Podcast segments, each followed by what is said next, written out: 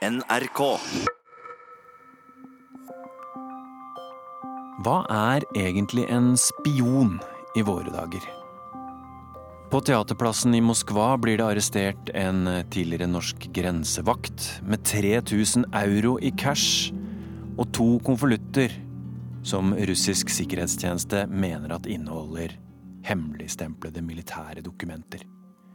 Men på torget i Kirkenes går folk i fakkeltog og samler inn penger til en lokal pensjonist som de mener har havna i trøbbel på utenlandstur.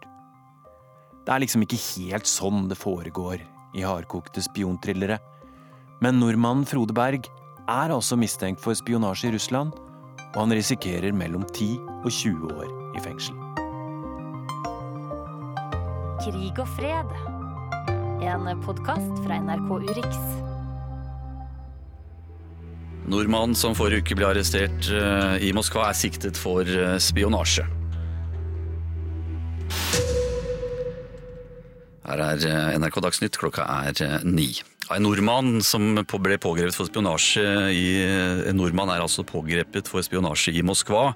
Det melder det russiske nyhetsbyrået Rospalt ifølge Dagens Næringsliv nå. Familien til spionasjesiktet nordmann i Russland stiller seg helt uforstående til siktelsen.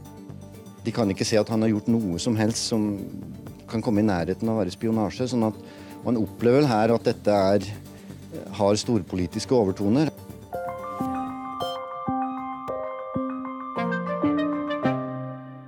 Vi har altså da invitert inn eh, to norske eh, Moskva-korrespondenter som bokstavelig talt har vært ute ei vinternatt før. La oss kalle dem korrespondentene som kom inn fra kulden. Per Anders Johansen, korrespondent for Aftenposten. Og Morten Jentov, som er korrespondent for NRK i Moskva nå. Hva slags historie er det her, egentlig? Dette er jo en historie vi vet egentlig forbløffende lite om, og har skrevet veldig mye om allerede. Vi vet at Frode Berg kom til Moskva uh, på to dagers opphold. Ble uh, pågrepet og arrestert, og siden så har vi bare fått drypp av hva saken dreier seg om. Han er anklaget og, og fengslet for spionasje nå fram til 5.2. Og uh, utover det er det bare små bruddstykker vi vet.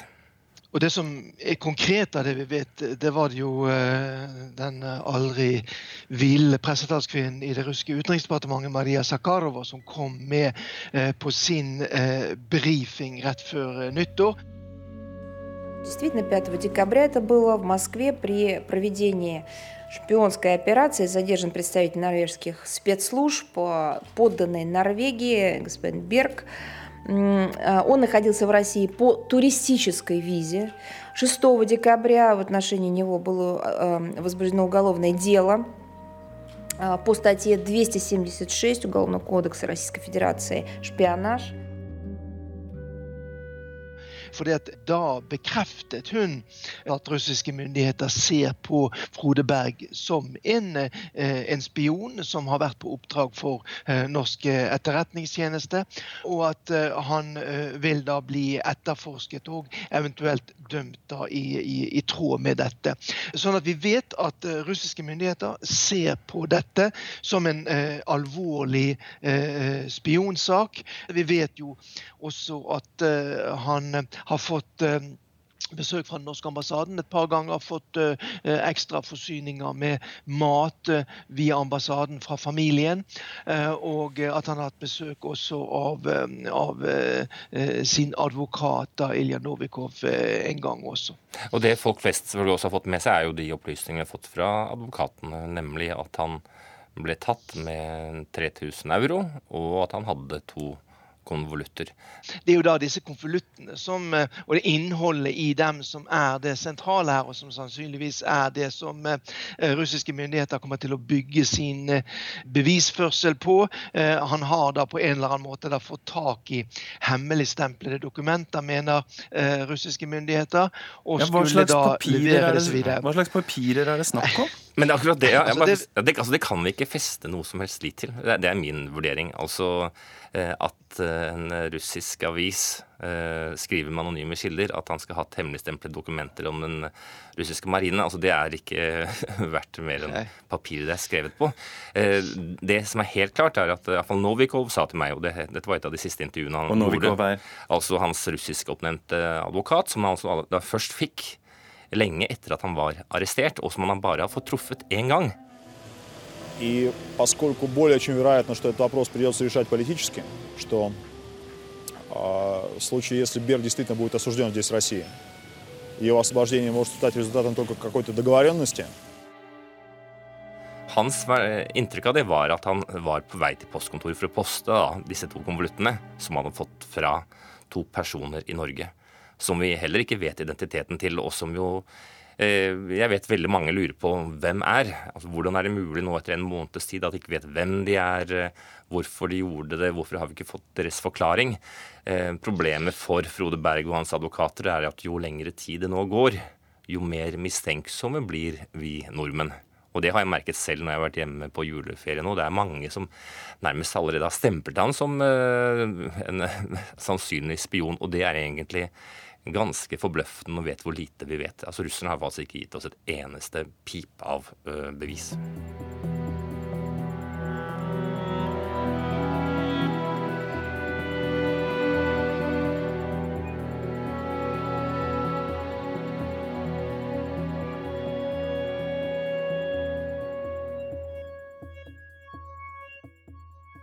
Hva, hva, er alternativene her? Enten er han en norsk spion, eller så er han lurt opp i stry slik at det ser ut som han er en norsk spion? Nei, det er klart Som journalister så må vi holde alt åpent her. Han kan være spion. Han kan ha gått i en uh, felle. Han, uh, han, kan være helt uskyldig uh, og være et offer for den paranoiaen som du møter i, i Russland. Han kan, ha, han, kan ha, vært dum og naiv.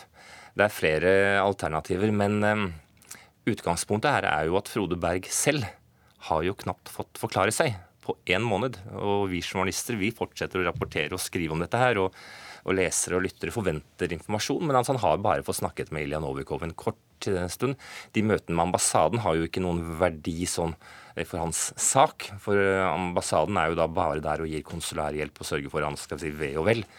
Eh, så i praksis så sitter altså fortsatt Frode Berg etter nå over en måned og ikke har fått forklart seg ordentlig. Ikke engang for sine egne advokater. Og da sier det seg selv at eh, advokatene fremstår litt fomlete, litt nølende og eh, kommer dettende med informasjon fortløpende. Jeg er helt sikker på at strategien deres er å være eh, forsiktig, ligge lavt, for eh, han er helt i Putins eh, hender, eh, og russernes hender. Eh, det er grenser for hva de kan gjøre. Vi kan ikke skrike og hyle fra norsk side og få Frode Berg løs.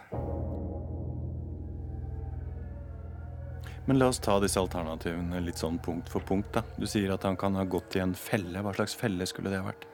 Nei, dette vet vi jo fra flere andre saker, hvor russerne har samarbeidspartnere som lokker folk i feller ved å Be dem ta med ting, eh, komme til et møte, møte en person som du ikke vet. Eh, altså Både Morten og jeg, vi er jo, som har bodd lenge i Moskva, eh, vi er jo veldig forsiktige med å gå til noe eller gjøre noe som vi ikke vet 100 hva er for noe. Og det er skal vi si, sånn, det er barnelærdom for alle som jobber i, i Russland. For du vet aldri hva du møter, og du vet aldri hva du kan bli koblet inn i, rett og slett. Men til tross for uh, hvilke tvil vi måtte ha om det russiske justisvesenet. Og, å gå ut og arrestere komplett uskyldige turister, gjør de da vel tross alt ikke? Nei, altså sånn tenker jo russere. De tenker at hvis det er en eller annen røyk et eller annet sted, så, så må det være noe et eller annet eh, dumt har han iallfall gjort. Sånn tenker de. Og, eh, og sånn tenker åpenbart vi nordmenn også. For vi kan vel heller ikke utelukke at A. Norge har spioner, og B. De kan bli tatt? Nei, Det er jo helt sikkert at uh, den norske etterretningstjenesten den er jo, uh, er jo, aktiv. Nå har jo uh, den norske etterretningstjenesten sin styrke på en del eh, andre områder, først og fremst når det gjelder da elektronisk etterretning. Men det er klart at eh, også den norske etterretningstjenesten har eh, sine følere inne i Russland. Eh, mer eller mindre som aktive spioner eller eh, som lytteposter. Eh, at man samler inn også informasjon om det som skjer i Russland med agenter, eller la oss nå si mer kontaktpersoner til stede inne i Russland. Det er det jo ingen som helst tvil om. Og vi er i en, eh, en politisk eh, situasjon nå med eh, økt konfrontasjon mellom øst og vest igjen, altså mellom Russland og Nato. Norge ligger i frontlinje der med vår felles grense oppe i nord, der altså Frode Berg har hatt sin, sin arbeidsplass da i, i, i, 40 år, altså først i garnisonen i Sør-Varanger og senere da på, som inspektør da på den norske-russiske grensen. Sånn at eh, det er klart at også fra norsk side så eh, samler man jo inn informasjon, prøver å skaffe seg eh, oversikt her. Så vi skal jo ikke prøve å fremstille oss selv som noe uskyldige lam midt oppi denne, denne økte spenningen. Absolutt ikke, men samtidig jeg må jo si at hvis vi en eller annen gang i fremtiden, og jeg tror mye her vil komme frem, skulle stå at han var en norsk spion, så vil det være en, en slik eventyrlig skandale. Fordi det er så amatørmessig så dumt, så fomlende og så idiotisk gjort at uh, hvis man nærmest sier at dette her kan være norsk etterretning, så sier vi samtidig at vi har en etterretningstjeneste som på en måte er rett og slett ikke sant til å gjøre jobben sin. Og det vi iallfall vet historisk, er at norsk etterretningstjeneste har hatt høy standing. Uh, NRK hadde jo dette interessante intervjuet med Ola Kaldaker, som jo jeg har uh, stor sansen for. Han har jobbet jo faktisk drev spioner i hele verden for den norske etterretningstjenesten. Rekrutterte sendte dem ut på livsfarlig oppdrag. Det virker veldig lite profesjonelt. altså. Derfor så heller jeg vel til den mening at dette, en, dette, må være en setup og ei felle som er lagt.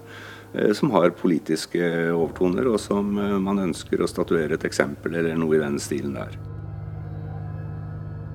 Han, han mener at dette, dette virker så åpenbart uh, amatørmessig at det lukter å være en felle. Og da kommer jo da det mest interessante inn, som jo har vært diskutert i julebord og over hele Norge de siste ukene. Eh, hvem er disse to personene som ga Frode Berg 3000 eh, euro og eh, ba han gjøre den, denne vennetjenesten? Og hvorfor har vi ikke hørt eller sett noe som helst til dem?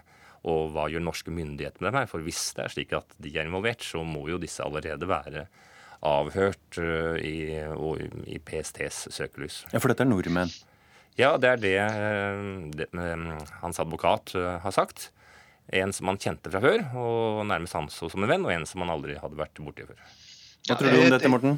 Nei, altså Jeg er helt enig med det som Per Anders sier, at dette her virker jo helt fullstendig amatørmessig og overhodet ikke etter boken slik som eh, etterretningstjenester jobber. sånn at uh, dette virker jo uh, altså veldig usannsynlig at dette er en, en organisert operasjon uh, fra norsk etterretningsside. Men det hjelper jo dessverre Frode Berg lite hvis det skulle vise seg da at russerne kan bevise at han er tatt da med disse dokumentene.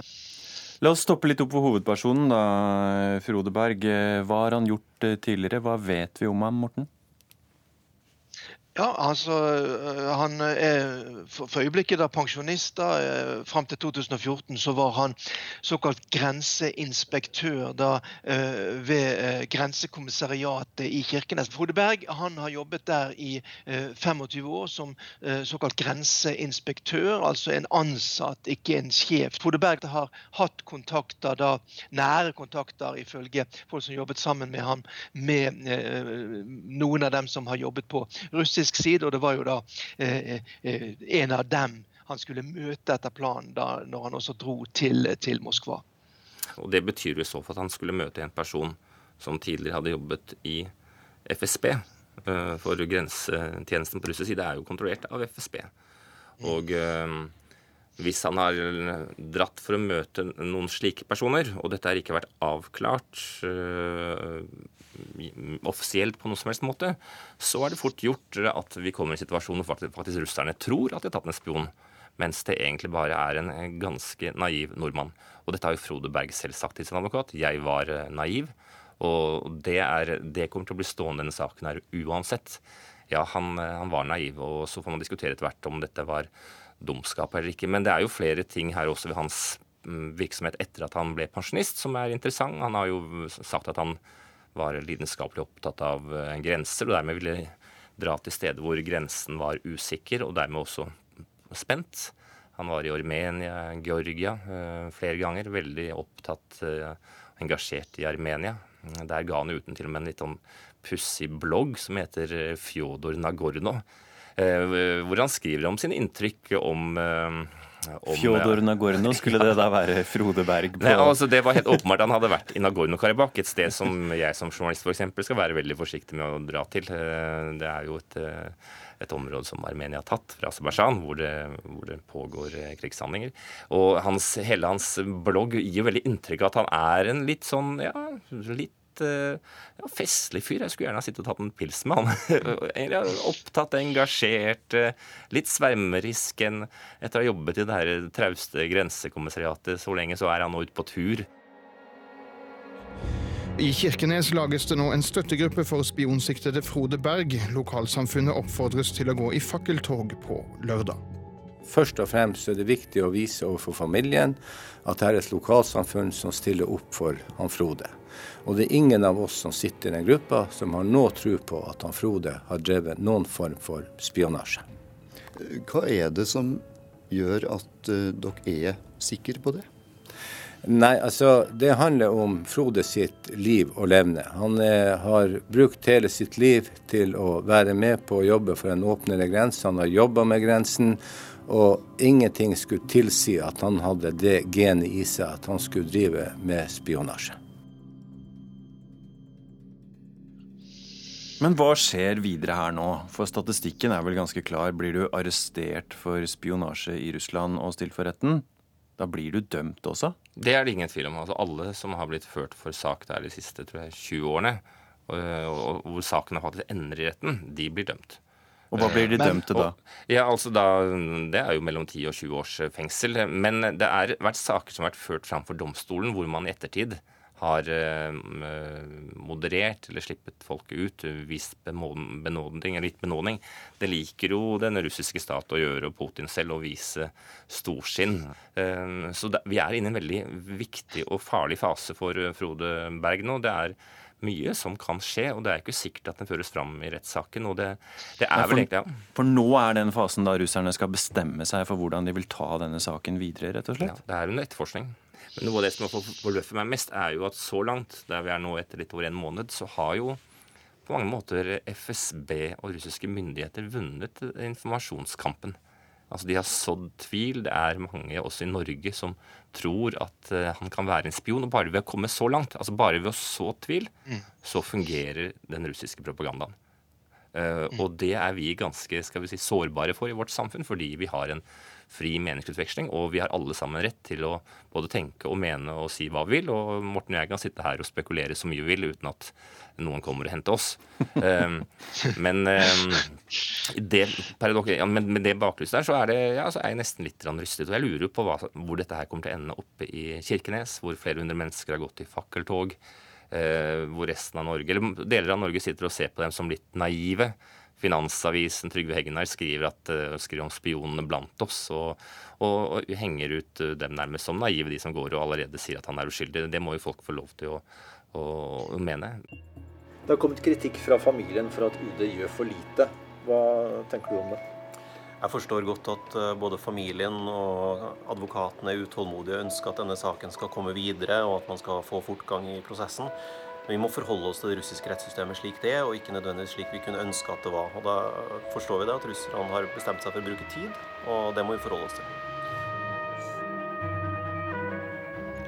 Og så råder du da, Per Anders Johansen, til en viss forsiktighet, eh, respektfullhet fra norsk side i møte med Russland. Norsk UD sier jo at dette er en konsulær sak der de yter bistand til en norsk borger i utlandet. Hva, hva, betyr det? Det er et forsøk på å avdramatisere det hele, er det ikke det? Det betyr at man går i filtføtter i UD. Forklar. Nei, man er, ja, Morten, jeg vet ikke om du vil fylle ut det, men det er klart den norske linja har vært forsiktig. Ja, Den norske linjen har selvfølgelig vært eh, overdreven, kanskje vil jo noen si. da, uh, Forsiktig. Vi ser også kravene fra uh, særlig fra nord, da, fra Sør-Varanger, om at UD her må være mer aktiv, at norske myndigheter må ta denne saken opp med Russland. De kommer jo sterkt. Og et, etter hvert så må jo norske myndigheter også ta saken opp med, med Russland. Den kommer jo opp på et politisk nivå. vi bare vet ikke helt når det skjer. så i første omgang så Eh, må jo UD bare holde seg og si det, eh, at dette er en sak mellom privatpersonen eh, Frode Berg og, og russiske påtalemyndigheter. Mens russerne da har jo allerede gått høyt ut på banen og sagt at han opererer altså på vegne av norske etterretningstjenester. Altså egentlig på vegne av eh, norske myndigheter. Så her blir det jo da en, en avveining sett med norske myndigheter sin side når de skal gå eh, tyngre inn også politisk i, eh, i, denne saken. Det kan jo få eh, hende at det allerede begynner å skje i, i, i kulissene. Dere sier begge to at det er ganske så mye vi ikke veit om denne saken. Eh, hvem er det som veit noe? Eh, per Anders Johansen, hvem ville du snakka med hvis du kunne snakke med hvem du ville om denne saken? Du, Jeg ville dratt inn og snakket med Frode Berg, jeg, først og fremst. Jeg ville eh, fått lov til å intervjue han, eller eh, så Vi får se hva som skjer om man på en eller annen måte får uh, menneskerettsaktivistene, som jo besøker Leforte av og til, for de møtte han. Um, og eh, så ville jeg selvfølgelig ha snakket med disse to personene som sendte ham på tur, eller ga han eh, penger og eh, konvoluttene. Og det er, helt, det er begrenset hvor lenge de kan holde seg i skyggen. Og der, Jeg tror veldig mye av saken vil bli avklart den dagen vi får høre, vet hvem de er. Vi kan begynne å undersøke hvilke personer de er. Og inntil de begynner å si noe, så, så er tiden på FSBs side. Og flere og flere vil tenke at ja, her har eh, Frode Berg og Norge noe å skjule. Morten? Selvfølgelig så vil vi alle eh, høre Frode Berg fortelle sin egen versjon, men eh, altså, det er jo foreløpig da eh, utenkelig. Men nå får vi ja, og det Han gir ikke det intervjuet før han kommer hjem. Jeg har sagt det til min redaksjon allerede. altså Det intervjuet bør han ikke gjøre før han står på norsk jord. Nei, men det, det, er klart at i forbindelse med varetektsfengslingen så, da, så får vi jo se også om eh, FSB på et eller annet tidspunkt Det kan hende at de også da er interessert å uh, i alle fall gi sin versjon. og Det kan jo være interessant å snakke med dem og høre hvordan de ser på denne saken, sånn at vi får vite hva russerne tenker å gjøre. Så jeg har ikke noe imot å få et uh, intervju med den russiske etterforskningslederen heller. Men uh, dere, dere, virker mer eller mindre sikre på at han kommer til å komme hjem på et eller annet tidspunkt, at det er et spørsmål om tid er det ingen reell fare for at uh, denne stakkaren kan forsvinne til Sibir i 10 eller 20 år, da? Nei, det, jo, det, tror jeg ikke det er noe fare for. Altså, han, eh, han, blir, eh, han, han blir, enten blir han satt fri i forbindelse med etterforskningen, får da en eller annen form for straff i form av en utvisning, visumnekte eller noe sånt. Eller så blir han da dømt, og så etter at dommen så går det en liten tid, og så blir det en eller annen avtale. Vi har en høy standing. Også det å sette nordmannen i det er helt utenkelig i mine øyne. Så på et eller annet tidspunkt blir det en løsning. men Eh, den løsningen krever en, eh, et vanskelig diplomatisk eh, nesten kanossagang. Og spørsmålet er jo på hvor lenge Søreide Eriksen kan gå med, med filttøfler. Og finne seg i at russerne behandler en nordmann slik de nå gjør, uten å ivareta hans grunnleggende rettssikkerhet. Eh, for, eh, for det, det, forventer vi jo at den norske stat gjør. Beskytter norske statsborgere i utlandet. Og nå snakker vi med innestemme. Du har hørt Krig og fred med Tore Moland.